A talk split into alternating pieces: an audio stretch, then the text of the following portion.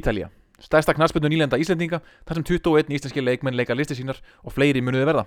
Þeir að hlusta á hlaðabið Ítalski boltinn þar sem Íslendingum finnst skemmtilegast að spila.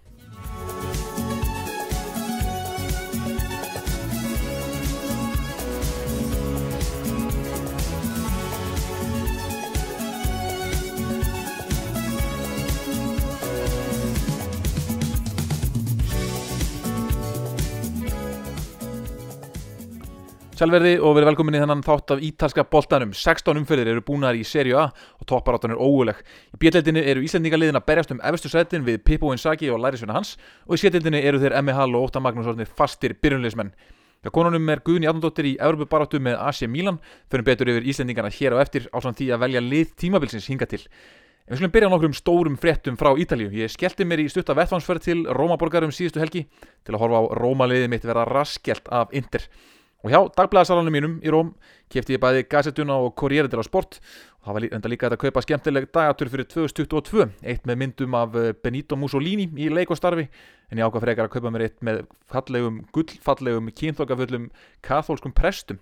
Allt voðalega settlega myndir þannig ég get ekki beðið eftir 1. janúar 2022 ég get flett kathólska presta dagatalinu mínu. En í frettum vikurum þá eru þetta helst það að Fossetti Sampdoria var handtekinn í vikunni af ítölsku efnahagslörglunni hinn litur ekki Massimo Ferrero. Ferrero sem er ábyrjandi fíkur á öllum leikjum Sampdoria stendur upp í stúkum með fýblalæti og stóra treflisinn hann kefti félagir árið 2015 af Garrone fjölskyldunni. Hann er ekki sérstaklega efnaðið maður hann er eh, já, raunin á ekki neitt. Og á bara alls ekki efna á að reka félagið og er búin að vera að reyna að selja félagið í mörg ár. Uh, hann líka í grunninn Rómastunismæður frá blötu bassbynni og þá litlu peninga sem hann hefur grætt hefur hann grætt á rekstri kvikmyndahúsa. Og það er einmitt sá rekstur sem að ítalska lauruglan er að rannsaka en ekki reksturinn á Sampdoria í sjálfu sér. Þannig að þetta ætti ekki svo sem ekki að skipta miklu máli fyrir félagi sjálft annað það en það að uh, það ekkur líkur en það því að félagi verið selt það eru tveir hópar sem hafa sínt svona áhuga á að kaupa félagið. Annars vegar er það Massimo Garoni fyrir um fósuti liðsins sem seldi það hana árið 2015 sem er orðaðið við að kaupa félagið aftur. Og síðan er það bandarísku fjárfyrstahópur uh, með Gianluca Vialli uh, sér við hlið sem eru þetta góðsögn hjá Sampdoria. Og uh, já, fer með stort hlutverk í uh, nýjustu Netflix myndinni uh, Road to Wembley um ítalska uh, landsliðið á EM í sumar. Mæli með að fólk kíkir á Netflix og njóti þeirra mynda þar Gianluca Vialli í gríðastóru hlutverki þar sem hann lesu upp úr ræðu Theodore Roosevelt daginn fyrir leik til að peppa mannskapin mikil sjandileg fíkur á þaraferð en þetta var ekki einu, eina lauruglumálið á Ítalíu þessa vikuna því að fyrtu daginn fyrir viku síðan frangandu ítalsk lauruglu yfirvöld húsleit í skrifstofum Juventus í Tórinóborg Lörguransóknin sem hafði dullnefni Prisma er hluti af rannsókn á félagsskiptum í ítalska boltanum sem hefur verið í gangi í mörg ár en er fyrst núna að koma upp á yfirborðið. Ég hef áður fjallað um það í þessum þáttum hvernig sum félag hafa verið að svindla með félagsskiptin og búa til svona falskan söluhagnað í bókaldinu. Þetta er gert með því að selja unga og ódýra leikmenn á háu verði á milli félaga. Allt söluverðið er síðan bókfært á árunum sem að salan fyrir fram en það má síðan dreifa kaupverðinu á lengt samningsins þannig að ef að leikmæri seldur á 10 miljónir eitt árið þá uh, getur félagi sem selur hann uh, bókfært allt, alla 10 miljónum þetta það ár en félagi sem kaupir hann getur dreift þessum 10 miljónum á 5 ár. Uh, til dæmis og þetta hafa mörglið verið að gera en Juventus kannski meir en önnur og þess vegna hafa þeir svona sérstaklega verið undir smásjá lauruglunar og við rannsóknuna var líka hleraðu símin hjá lögfræðingi Juventus og hann þarf svo mikið að koma neinum á óvart að símin hans hafa verið hleraður því að það eru heldur hverki veittar jafnmarkar heimildi fyrir símhlirunum og á Ítalíu uh, af öllum löndum heldur bara heiminum. Það er eins og allir símar allstaðar séu alltaf hleraðir. Uh, en í símdali lögfræðings Juventus þar er hann vist að ræða það hvað eigi að gera við söluna, varandi söluna á Ronaldo til Manchester United. Og þá segir lögfræðingurinn að þeir getur þurft að grípa til einhvers konar uh, svindls. Og sangat lögurlunni á að vera til skjál leini skjalið um Ronaldo sem það er kallað sem að sannar þetta svindl. Líklegast lögurlunni að þetta sé samkúmulag um að Juventus greiði Cristiano Ronaldo ákveðna upphæð fyrir að segja upp samningnum. Vegna þess að Ronaldo hefði annars aldrei samþýtt að fara til Manchester United og lækka þar í launum. Þannig að þeir telja bara að hljóta að vera til eitthvað samkúmulag einhver staðar sem að sínir að Juventus hefur greitt einhverja upphæð til Ronaldo sem hefur ekki komið fram áður. Uh, húsleitin snýst að mestu leitu um að finna þetta leini skjál en það hefur ekki tekist ennþá og ef það tekst ekki þessari viku þá verða vist ætlunin að snúa sér að uh, Jorge Mendes, umbósmanni Ronaldo og jafnvel yfir hann til að komast til bots í málinu Þetta og fjárhagsvandræði Juventus og, og rauninu knaspunum vandræði líka, uh, þetta hefur verið mikill umbyllunar í ítalsku fjölmjölum. Þau hófust uh, er svona talið þegar Pól Pogba var seldur til Master United. Þá var þetta félagið upp á sitt besta og fjárhagurinn í góðu málum. Pól Pogba salan var gríðarlega hagkvæm fyrir félagið og myndaðist hár, uh, hagnaður og félagið skilaði flottum ásökningi en eftir þetta hefur kostnaður aukist, sérstaklega við komu Rónaldós og launin hans.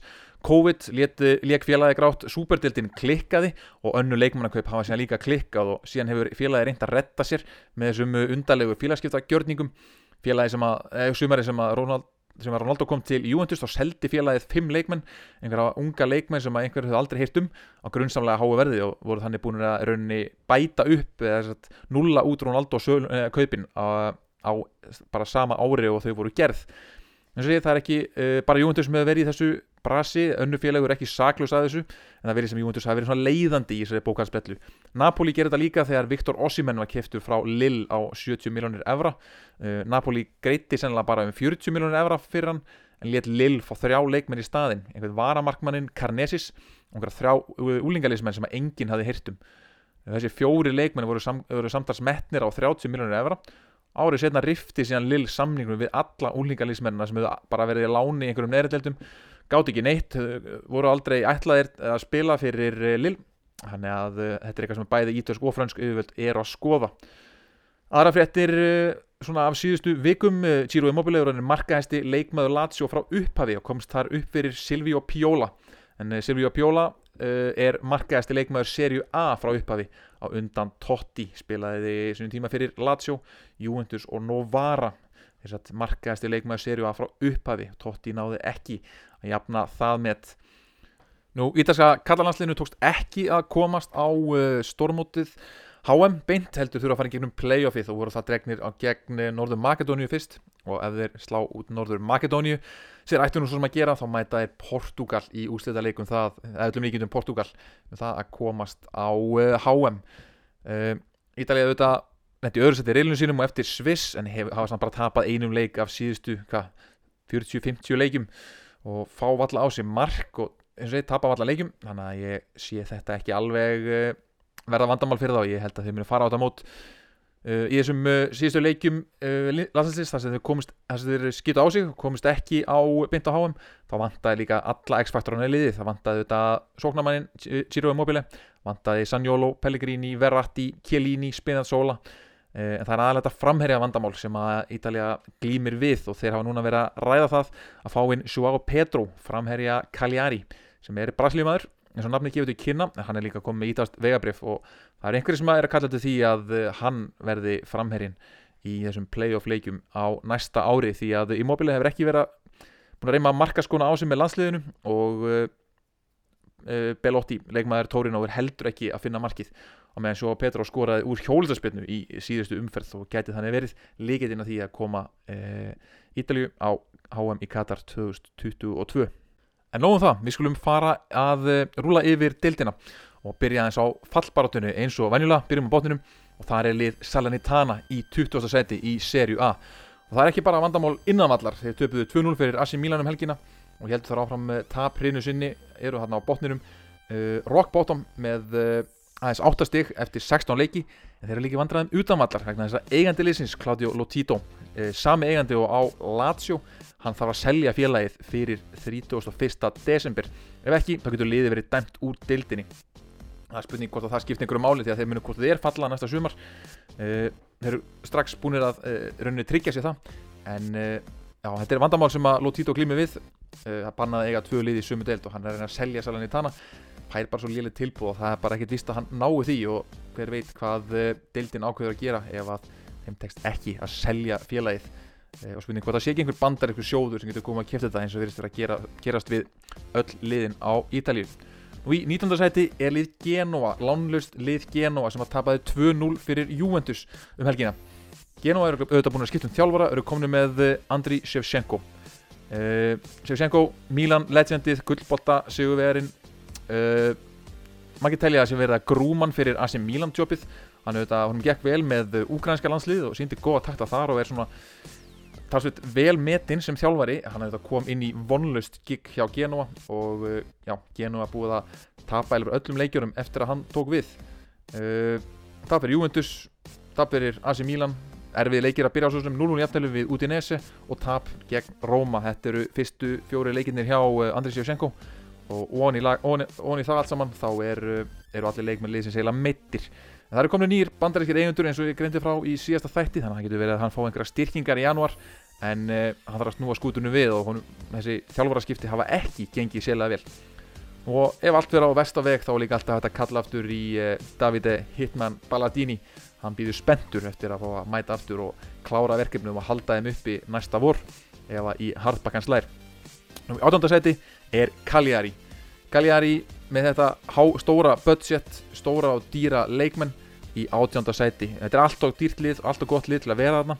Það er Joao Pedro brasilísk ítalski framverðin sem er að halda liðin á floti jafnaði gegn Torino í síðust umferð úr glæsilegri hjólstaspinnu uh, en fyrir utan hann þá er liðið ekki að spila vel og Valdir Mazzari uh, á hlýðalínu er ekki að takast heldur að snúa genginu við. Hann líka tók við félaginu uh, eftir að þjálfværin í byrjun tímabils uh, var rekin og uh, já, Cagliari hefur uh, gett allt á mörg jafntöfli í síðustu leikjum jafntöfli í síðustu fjórum leikjum og töpuðu síðustu fjórum þar á undan. Þeir eru með síðustu átta leiki án Sigus og þurfa að fara að rífa sig í gangi en það mun gerast og þeir munu að öllum líkitum enda ekki í fallseti.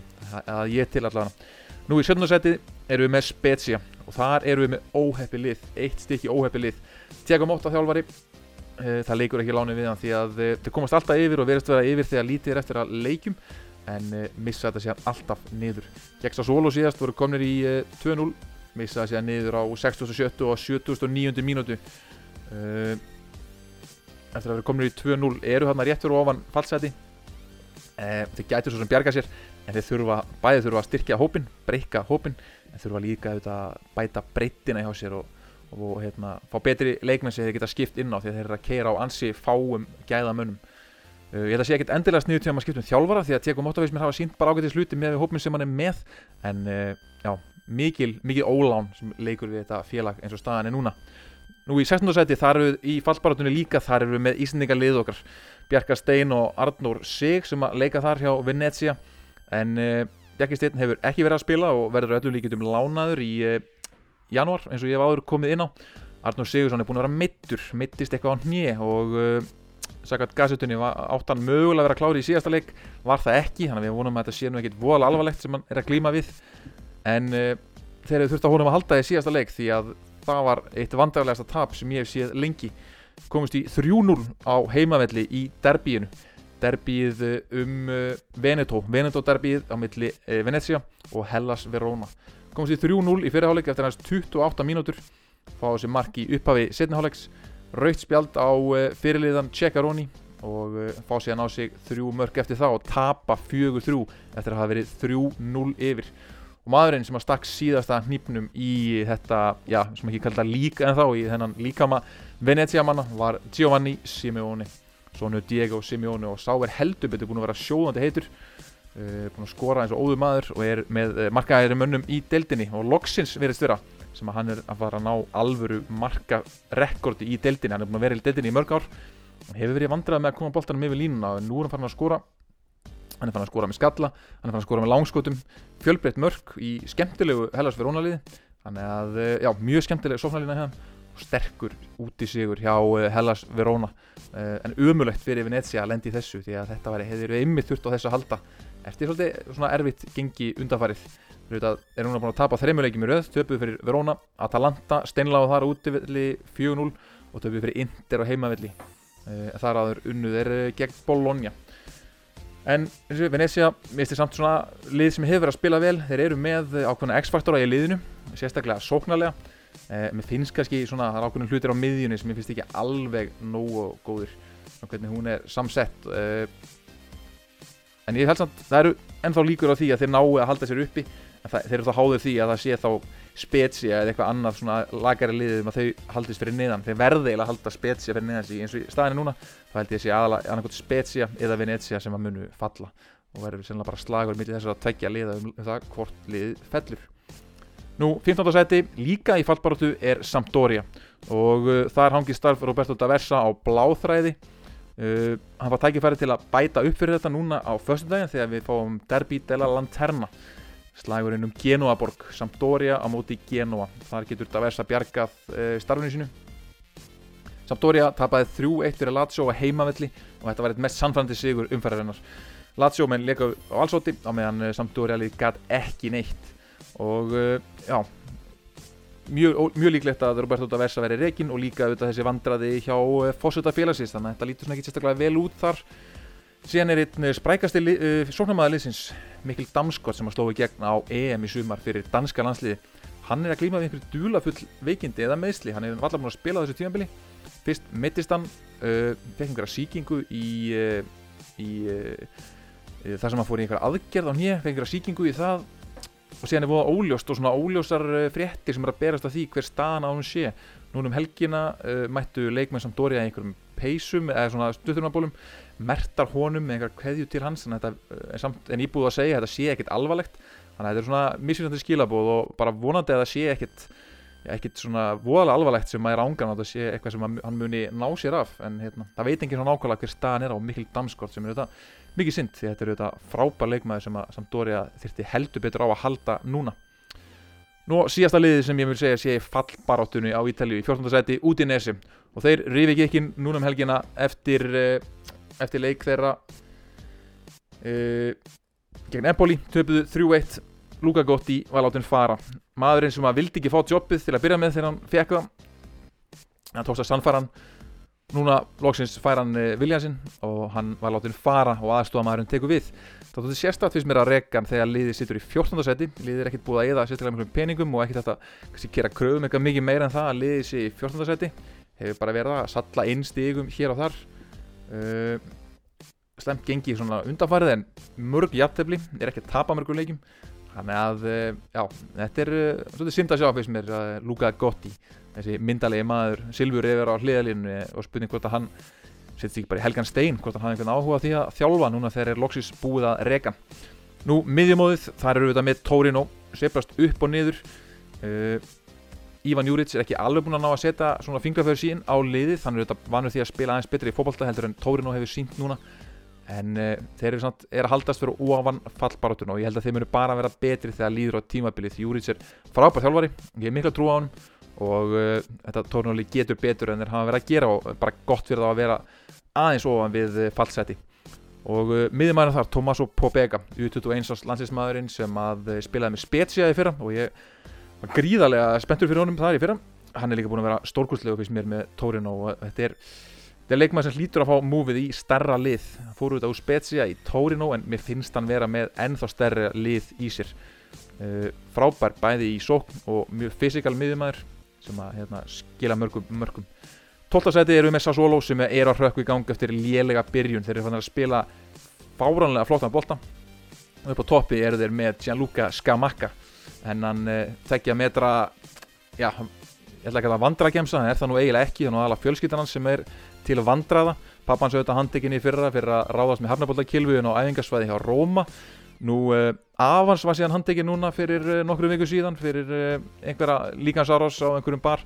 En Skamakka, það er vandam, engin vandamáli á honum, hann er fann að skora mörg og það er svona það sem hann þurfti á að halda í, í sínum leik. Setti þarna glæsilegt marka mútið Asi Milan og bara gaman að sjá að hann sé loksins farin að setja mörg í, í leiki hann þurfti á því að halda bæta því við leiksin og hann getur líka verið ákveðu wildcard fyrir, eh, fyrir ítalska landsliði þegar fram líða stundir. Skora líka gegn Napoli, gegn Cagliari. Þannig að þetta er flottu leikmaður og Sassolo er að hrökku í gang líka. Er lið sem gæti enda ofar en 12. seti annar leikmaður sem ég finnst hafa verið flottur hjá Sassolo og ég held að menna þetta fylgjast með Davide Fratesi. Uh, miðjumæður sem kom uppalinn hjá Róma uh, kom til félagsins frá Monza í serju B í fyrra það sem hann var vist mjög góður. Og Davide Fratesi mjög flott, flottu miðumær flott svona átta, gríðala fljótur og skila miklu bæði í vörn og sókn, þannig að fylgjast með honum Davide Fratesi. Ætlaðarsæti eru við með nýleðana sem hafa komið mest óvart Empoli. Og þeir já, ferðast um í draumalandi Aurelio Andreatssolis sem að uh, tók við liðinu fyrir tímabrið auðvitað þjálfari Empoli, maðurinn sem komið um upp í fyrra hann tók við Sassuolo. Og meðan Empoli menn ákveða að ráða þjálfaran sem að fjall með á síðast Andri Azzoli, hann er að gera góða hluti. Uh, Empoli auðvitað vann hérna 3-1 sigur á Udinese og eru í 11. sæti sem nýliðar. Þetta er ótrúlega velgert, unnu líka nákvæmlega slæginu daginn gegn Fiorentina. Fiorentina á Empoli auðvitað ekki langt, ekki langt þar á milli. Ætti að fara þar milli, á milli á uh, Vespu. En uh, já, gríðalega stert hjá Andri Azzoli og bara lið sem að ég mæli með að svona fókbalta mann fylgist aðeins með. Spila skemmtilega fókbalta, spila ekki með kantmenn spila klassiska fjórir þrýr, einn, tveir, þar sem að spila með tvo svona alvöru strækjara Andrea Pinamonti og Patrik Cutrone. Mjög skemmtilegt lið á að horfa uh, Empoli, en ég held samt að þeir muna aðeins falla niður töfluna, þeir muna ekki enda fyrir ofan miðju. Og ég held að svona Sassolo og Torino munu komast upp fyrir Empoli. Nú í uh, tíundarsæti eru við með Hellas Verona Hellas Verona sem vann þennan gríðarlega karaktersigur á, uh, á Venezia. Halda áfram að uh, raunni það sem að Ivan Juric slefti liðinu í fyrra. Eru búin að selja sína bestu varnamenn treysta bara á það að vera með góða sóknamenn og skora mörg mörg og fá þessu mörg mörg tíundarsæti þeir líka getur fallið aðeins neðar niður töfluna. Ég held að þeir séu aðeins búin að vera overperforma. Nú í nýjöndarsæti, konungur miðjumóðsins, búin að vera í miðjumóði með Bologna í nokkur ár núna Sinisa Mihailovic og uh, Sinisa Mihailovic, hann er heitur þessa dagana. Hann vann uh, gríðarlega sterkan sigur á uh, Jose Mourinho og Róma liðinu. Það ná að vera svona í örugu nýjöndarsæti fyrir Sinisa Mihailovic og félagi Bologna. Við sem bara vera nokkuð flott þeir er ekki gera mörg jafntefni, annarkvæmt þeirra sigur eða tap, vinna Róma, unnu Spezia en tapa síðan fyrir Venezia og Fiorentina. Þetta er sama gamla miðjumóðu hjá Mihailovic svona vantar ennþá svolítið upp á þeir geti farið að berjast um Evrópu sætin en nú erum við komin í topp 8 sýstutnar 8 eins og það eru orðnar núna liðin sem er að berjast um Evrópu sætin og þar eru við með í 8. sæti Lazio. Maurizio Sarri sem kvartar sáran undan því hann er ekki að æfa varnarleik með liðinu. Liðið fær á sig allt og mörg mörg þótti sé að skora líka. Og hann segir það í fjölmjölum að það sé spila svo þétt að hann næri ekki að æfa varnarleik. Og þessi varnarleiku sem hann vil spila hann krefst þess að menn æfan og uh, það er afsökunin sem hann hefur notað. Þegar liðið spila vel þá er ekkert lið sem spilar fallir í fólkvallta heldur en Lazio undir Maurizio Sarri. En uh, já þegar það verið svona gengið upp og niður hjá þeim þetta unnu Sampdoria frábæruleik í síðustumferð gerur svo jafntefni fjögur fjögur í æfintýralegu leik þar á undan við út í Nese og töfum við þar á undan fyrir Napoli fjögur 0 þetta er mjög mik mikla sveplur fram og tilbaka og við vonum nú að komið smá pása í leikjarprogrammi bráðan fyrir þeirra vegna svo þeir fáu nú að æfa varnarleiki sinn. Nú í sjöndarsæti þar eru við með Jose Mourinho og Roma. Ég veit ekki alveg hvað ég á að byrja með Roma. Ég veit að fórlangaði í vettvansferðum helgina á þennan uh, Rómaleik þar sem við töfðu 0-3 gegn Inter og þeir áttu ekki fræðilegan möguleika í þessum leik. Og 3-0 tap var raunni, þetta hefði auðvöldlega geta verið eh, starra og sérstaklega fyrirháleikunum var umöluður og svo svona jafnaðist það aðeins í setniháleik nú en uh, Mourinho var auðvitað án sína bestu manna í þessu leik. Það vantaði Tammy Abraham að finna Gían, þessu ungi leikmaði sem að skóraði tvö mörgum daginn og Mourinho kipti Balenciaga skóna fyrir. Hann auðvitað náðu sér COVID beint eftir það. Hann hefur auðvitað ætla ég ekki að farið eitthvað partí til að fagna þessu mörgum og fengi COVID þar. Stefán Lærsi Ravi var meittur Rick Karstorp var í banni, Lorenzo Pellegrini er meittur og Leonardo Spirantsola er auðvitað með slitna hásinn. Hann kemur ekki aftur fyrir en eftir áramót. Þannig að hann var ánsina allra bestu leikmanna og 3-0 uh, tap kannski eðlilegt þegar Inter er eitt svona besta liðið uh, á Ítalíu um þessar mundir. En liðið er samt í sjöndarsæti og það verður að gera einhverjar einhver kaup í janúar hefur verið sagt við Jose Mourinho. Og ekki þetta kannski kvarta undan sjöndarsæti þegar maður skoðar þann leikmannahóp sem að Róma er með en það er, það er mikla sveplur og uh, það eru einhverjir stunismenn aðeins farnir að evast en uh, flestir á vellinum þar sem ég var á uh, Róma Inter. Þeir voru samt uh, syngjand á trálandi allan leikin og það myndaðist einhver svona, svona geðsaringastemning hann að síðustu 30 mindunar þegar allt var sem svartast. Þá uh, fóru Rómaðarstjónismenn að syngja og hafa betri stemning á þessum velli heldur en á þessum uppselda velli heldur en ég hef uh, heyrt frá heimamönum þarna að það hefði verið bara síðustu ár þannig að það er ennþá ákveðin trú þarna. Og já, fullt af stjónismenn sem hafa trú á þessu ennþá. Og ennþá nóg eftir að tímabilinu. Og eða kom ykkur að styrkingar í januar og liðið fyrir að sína ykkur batamerki leikmenn fara að koma áttur á meðslum eins og Pellegrini sérstaklega sem að bráðu vantar í, í sóknarleikin þá er aldrei að vita hvað Róma getur enda þótt að sé nú ólíklegt fyrst mér að þeir nái meistaradildar sæti og liðið, ef maður fyrir líka að skoða síðustu tímabill, þá er liðið núna með talsveit færri stig heldur en það var á sama tíma uh, og síðustu tvö ár. Þannig að það eru, það eru líka ákveðin svona óróa merki á lofti um það hvernig staðan sé hjá Róma. Liðið síðan komið áfram í sambandstildinni eftir sigur á Tjeska Sofíu 3-2 á útivelli. Og saman tíma á Bóto Glimt tapaði fyrir eh, Soria Luhansk hann að Róma vann riðlinn þráttur að hafa tapað eh, stórt fyrir Bóto Glimt á útivelli og gert jafntefni við á heimavelli. Þannig að Mourinho vann þennan bardaga við Bóto Glimt að mínum að því þá erum við komin í Flórens og Fiorentina í sjötta sæti. Og þeir fljúa um í eh, draumalandi Dusan Vlahovic og Vincenzos Italianos. Þjálfarinn sem ég höfðu nefnt oftast af öllum þjálfurum í þessum, uh, þessum þáttum síðustu tvö árin. Frábæð leikur um helgina. Seglu sigur á uh, Bologna 3-2 á útivelli og Fiorentina með flott, er á flottur raunin núna. 3-2 sigur á uh, Bologna. Unnum Sampdoria 3-1 töpuðu svo hann heima fyrir Empoli sem var sált og þar áður fjögur þrjú sigur á AC Milan sem eru efstir í deldinni þannig að þetta er eh, flottur önnhjöðum og Dusan Lahovic er að sína að hann sé topp strækjar í Európu og auðvitað aðeins Lewandowski sem er búin að skora fleiri mörg í deltakefnum í stóru deltanum í Európu á þessu ári.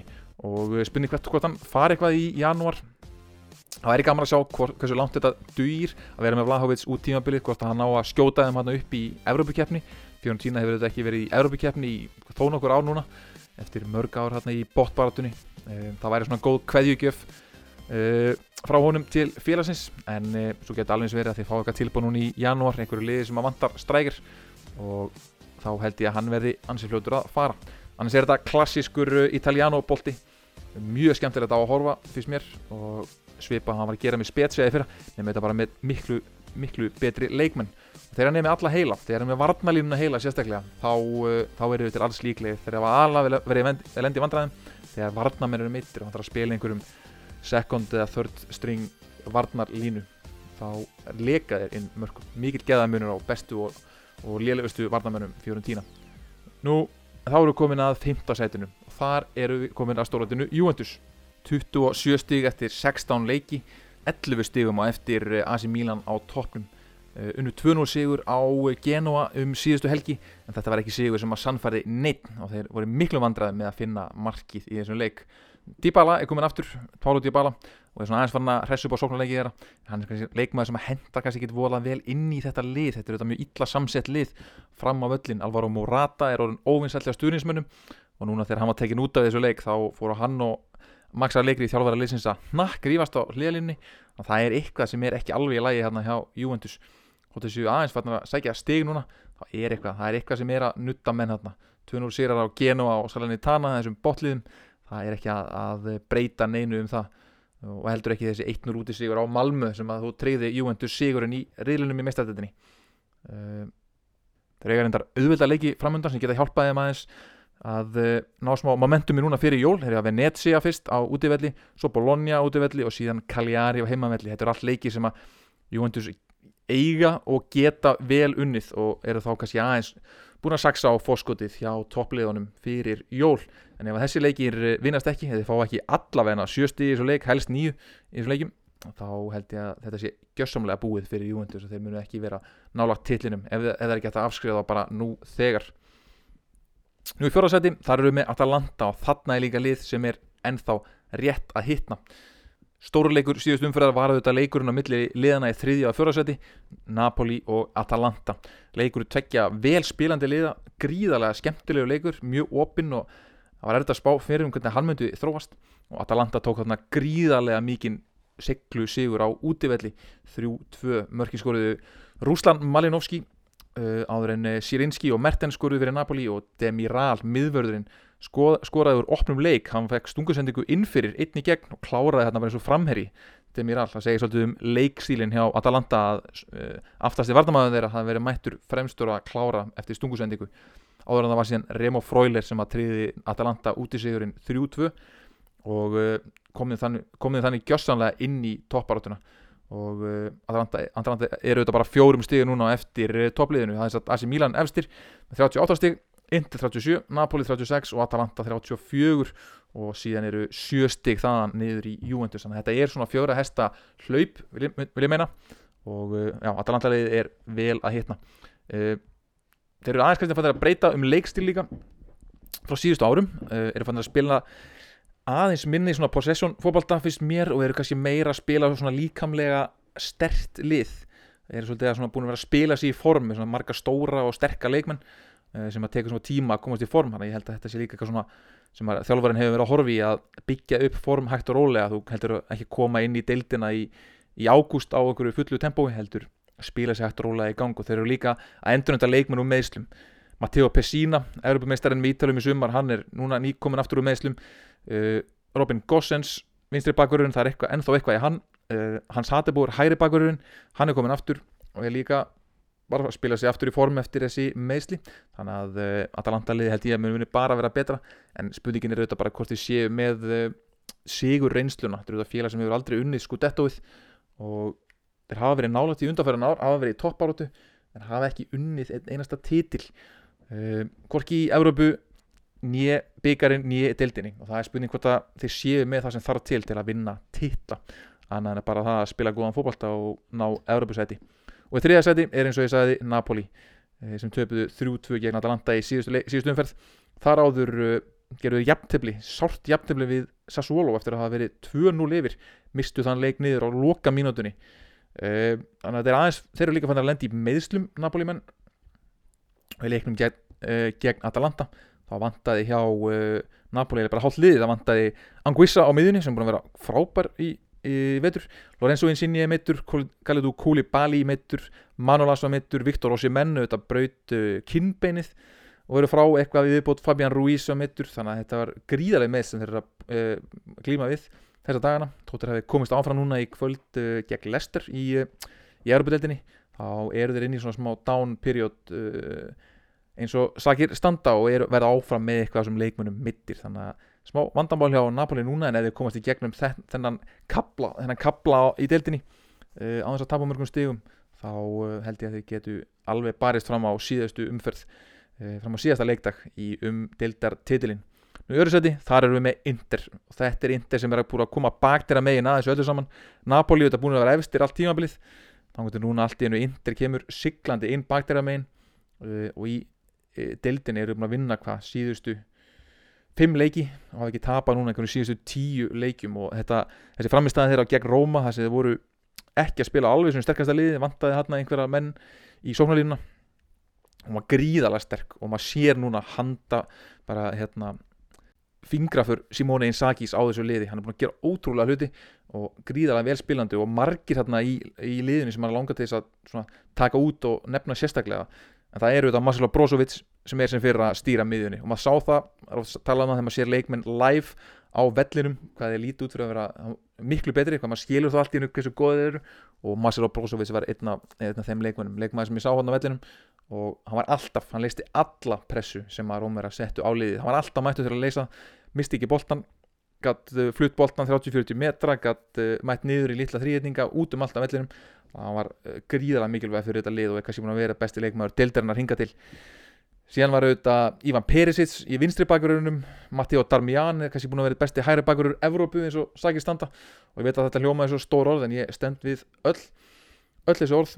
Uh, Interlið virkilega spennandi og Simone Inzaghi hann, hann verðist verið að gera frábæra hluti og það sést kannski núna hvað Beppe Marotta uh, yfir maður kransbundumála hjá Inter er snjall. Þegar hann næra að losa Lukaku á allan hennar pening og missi konti strax næra hann í Simone Inzaghi og Edin Dzeko og báðir þessir gæjar virðast að hafa komið fullkomlega inn í þetta og Beppe Marotta enn og aftur sína hvað hann getur sem uh, stjórnandi hjá knastbundulið uh, Nú í fyrsta seti þar eru við síðan með deildinni AC Milan sem eru komin á toppin smá brasi meistardeildinni hefðu geta komist áfram með sigri á Liverpool á heimavelli. Það tókstum ekki en uh, já, eru samt á toppnum í serju A og hljóta kannu að vera einbita sér að því. Ég heldur sér nú endur ekki með uh, nægilega mikla breytt til þess að endast út tímabilið í eftirsæti sérstaklega líka þegar Simon Kerr núna mittist, mittist illa að vera frá út tímabilið og þeir ætla að reyna að sækja sig einhvern hafsend í janúar. Ég held að sé bara ekki nóg því að Simon Kerr er sennilega búin að vera besti varnamæða deildarinnar í ár, búin að vera stórkostlegur og ég oft gaggrind hann áður, hann spilaði áður hjá mínum önum í Róma og ég hef haft uh, misgott álit á honum. Atalanta kefti hann fyrir tveimur ánum síðan og þeir selda hann aftur í sama glugga því að hann var það lélugur hjá þeim. En hjá AC Milan er hann búin að vera í fantaformi og, og það sé valla með neitt hraða svo seg, telja mig, þá er hann einhvern veginn bara að lesa allt mættur út um allt með gríðalegt sjálfströst stýrir mönnum aftar af vellinum og meðan slatan sér um að stýra sókninni þannig að, að missa Simon Kjær út svona þetta var allavega eiginlega gulltriða fyrir mér að AC Milan mun ekki vinna titil en ég eiginlega bara trú ekki heldur að þeir ná að replacea hann með leikmanni sem að einhvern veginn er nálegt í að vera jafn góður uh, og hann er búin að vera fyrir þetta AC Milan lið. Og mikil synd að missa hann í þessi meðslið þarna. Uh, þeir eru núna Salernitana 2-0 í síðustum umferðinu Genoa 3-0 þar á undan. Uh, töpurinn gegn Sassuolo heimavelli en hafa heilt yfir verið gríðalega góður í deildinni og eru efstir sem stendur en ef ég ætta að gíska á sigurvera þá fer mitt gísk á Inter. Napoli í öðru og uh, AC Milan í þriðja sæti. Ég heldur endi því miður fyrir þá ekki ofar en það. Förum aðeins í bjötetina árum við förum í uh, lið ásins hinga til. Og það er auðvitað með Íslandingaliði Písa í eftirsæti með 32 stig á toppnum eftir 16 leiki. Og okkar maður Hjörtur Hermansson hann er eiginlega að byrja alla leiki hjá þeim búin að byrja næstuð alla leikina eða koma inn á ef hann byrjar ekki uh, og gríðilega gott varnarrekord sem að písaði með er að spila já, bara solid varnarbólta og uh, flott að þeim að vera á topnum í öðru seti eru líka með Íslingarlið það eru með Þóri Jóhann Helgason og Brynjaringa Bjarnason hjá Lecce. Brynjaringi hefur, hefur auðvitað spilað minna heldur en menn voru kannski að búast við. Hann er búin að byrja eitt leik, spilaði þess að einn hálfleik.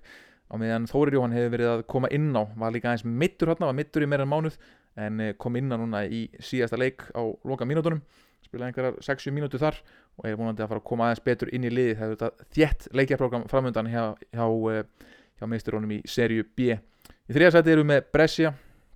Pippo Inzaghi er hann að koma lið upp enn og aftur, hann er auðvitað sérfræðingur að koma liðum upp um deilt, kom Venezia upp úr sédeldinni í B-deildina, kom Benevento upp úr B-deildinni í A-deildina og nú er hann aftur að koma, koma Brescia kannski upp í serju A aftur. Þeir eru hann að mikill siglingu í þriðarsæti Benevento í fjórða, Monza Berlusconi félagar í fymta sæti Cremonese í sjötta Ascoli í sjönda, Frosinone í áttunda sæti. Og við þurfum að fara aðeins neða til að finna Íslandingaliði Spal sem er núna utan umspilsætis í fjórtonda sæti. Mikael Egil sem hefur ekki verið að spila mikið hann kom líka inn á í síðasta leik. E, fyrsta skipti í þó nokkuð langan tíma spilaði 25 minútur í, í 2-1 sigri í Crotone á Spal. Mikael Egil, leikmaður Spezia hann er á láni hjá Spal. Var keiftu til Spezia fyrir 1 miljón evra í sumar og fekk uh, langan samning þar. Nú uh, Ísland, ekki Íslandingarlið en lið sem Íslandingar þekkja vel Parma í 15. sæti eru 6 stigum frá umspilsætinu og eru búin að vera í bastli eru búin að reyka þjálvaran konum með nýjan þjálvaran, það gekk ekki, ekki sérstaklega vel jafntefni í fyrsta leik. Þannig að þeir eru miklu brasi og hann uh, eru undan komin núna með Beppe Iacchini sem er sennilega ítalíu meistari í að koma liðum upp. Þannig að ef einhver að geta þétt ræðirnar og, og komið þeim upp þá verða hann. Þetta lítur ekki vel út. Lang dýrasta liði þessari deilt uh, miklu peningar Gianluigi Buffon í markinu sem er þetta búin að standa sig vel en uh, synd að sjá að þeir ná ekki að skoppa beint aftur upp um deilt Parma, þetta gamla stórveldi. Svo maður nefna það að Lukas Lógi Heimisson hjá júlingaliði Empoli var að spila ústæðleik Supercoppa Primavera Supercup hjá úlingaliðum uh, á Ítaljum spilaði kom inn á í ústæðleiknum gegn Fiorentina fyrir liðið sitt Empoli uh, leiku sem fór 3-3 og fór í vítaspindu keppni þar sem Fiorentina vann. Lukas Lógi kom inn á á loka minútum venjulegs leiktíma ef ég, ef ég lasi þetta allt saman rétt og en náði ekki í titil þar því miður. Fiorentina menn þjálfaðir af uh, Alberto Aquilani þeir sóttu að sjálfsögðu sigurinn í vítaspindu keppni Nú í kvennaboltanum aðeins þá var það Mílanóslagur Derby della Madonnina hjá konunum AC Milan gegn Inter.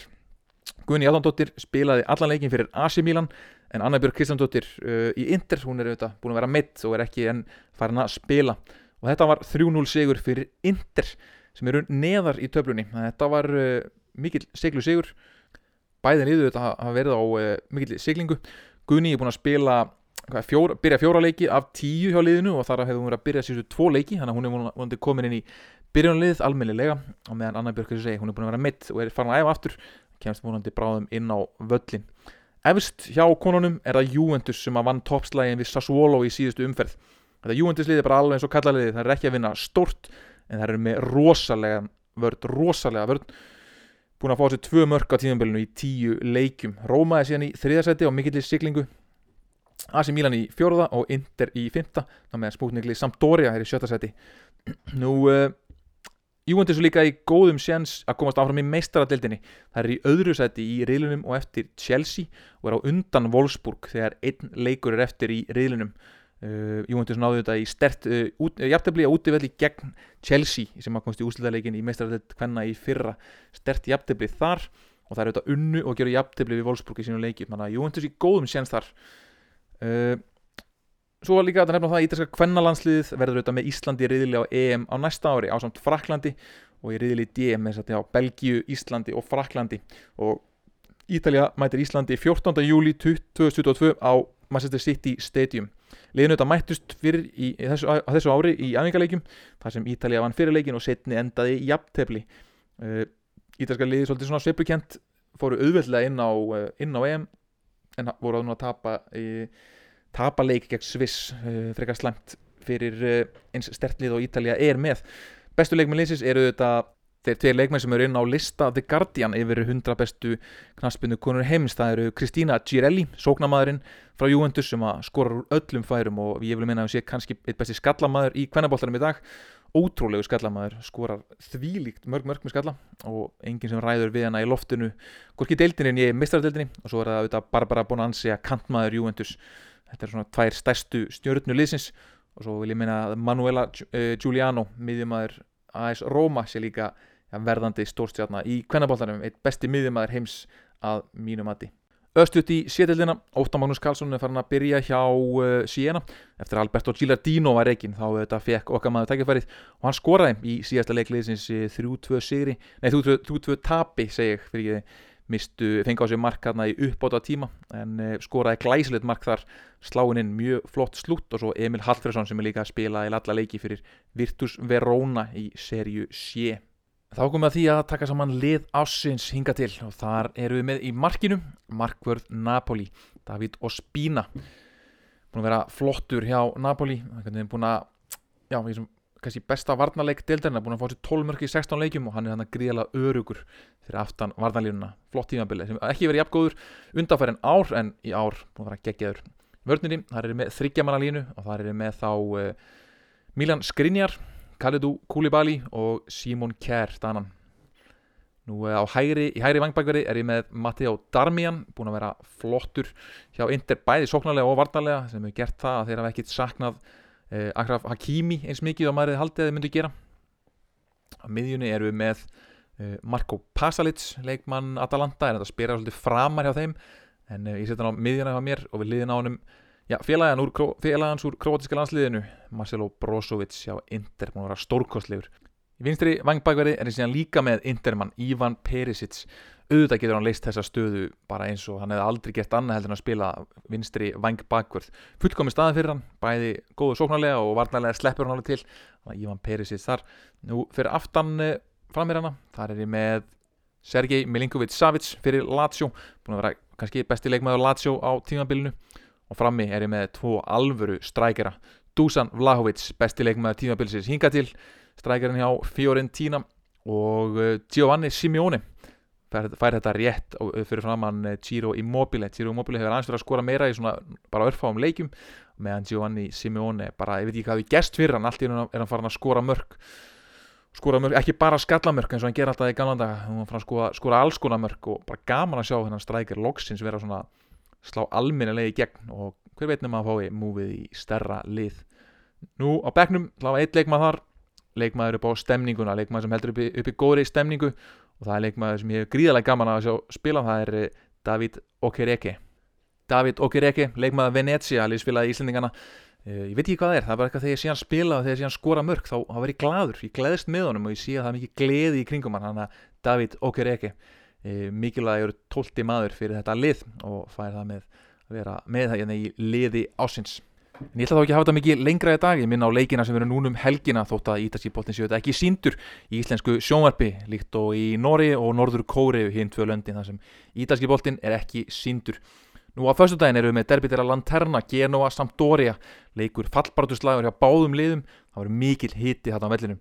Fiorentina mætir Salernitana á lögadaginn Venezia mætir Juventus. Æri verkefni sem býður Íslandingana þar. Og út í Nese fær AC Milan í heimsókn á lögadaginn líka á sunnudaginn fáum við svo Torino Bologna miðjuslæður þar Verona Atalanta.